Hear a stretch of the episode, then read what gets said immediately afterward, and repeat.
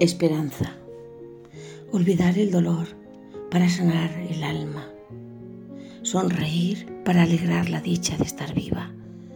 Caminar en silencio para no levantar el polvo del camino.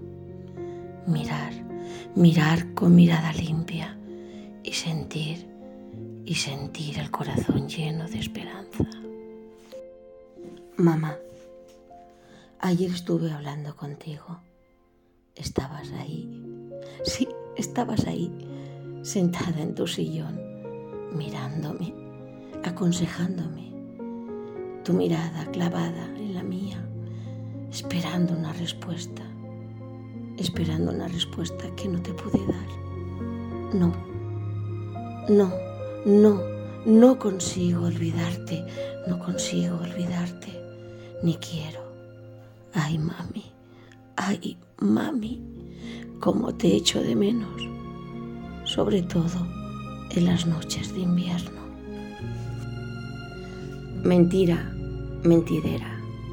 A veces las mentiras se convierten en verdades, siendo mentiras. Mentiras que se airean, se esparcen, se crecen, se asimilan, se asimilan haciendo verdades lo que son mentiras mentiras, mentideras, que atraviesan como puñales, donde la herida es difícil de sanar.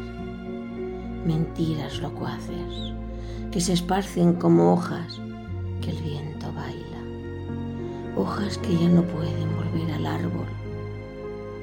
Solo dejas, solo esperas que en primavera vuelvan a salir demostrando su esplendor y brote, y brote la verdad verdadera.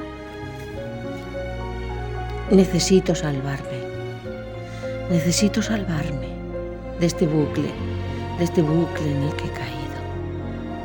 Pido ayuda, me busco a mí misma, no tengo fuerzas, las necesito. Necesito romper con la monotonía, con la rutina, sentir que puedo luchar, que recibo recompensa, que destilo alegría, ganas de vivir, de sentir, de emocionarme. Necesito salvarme.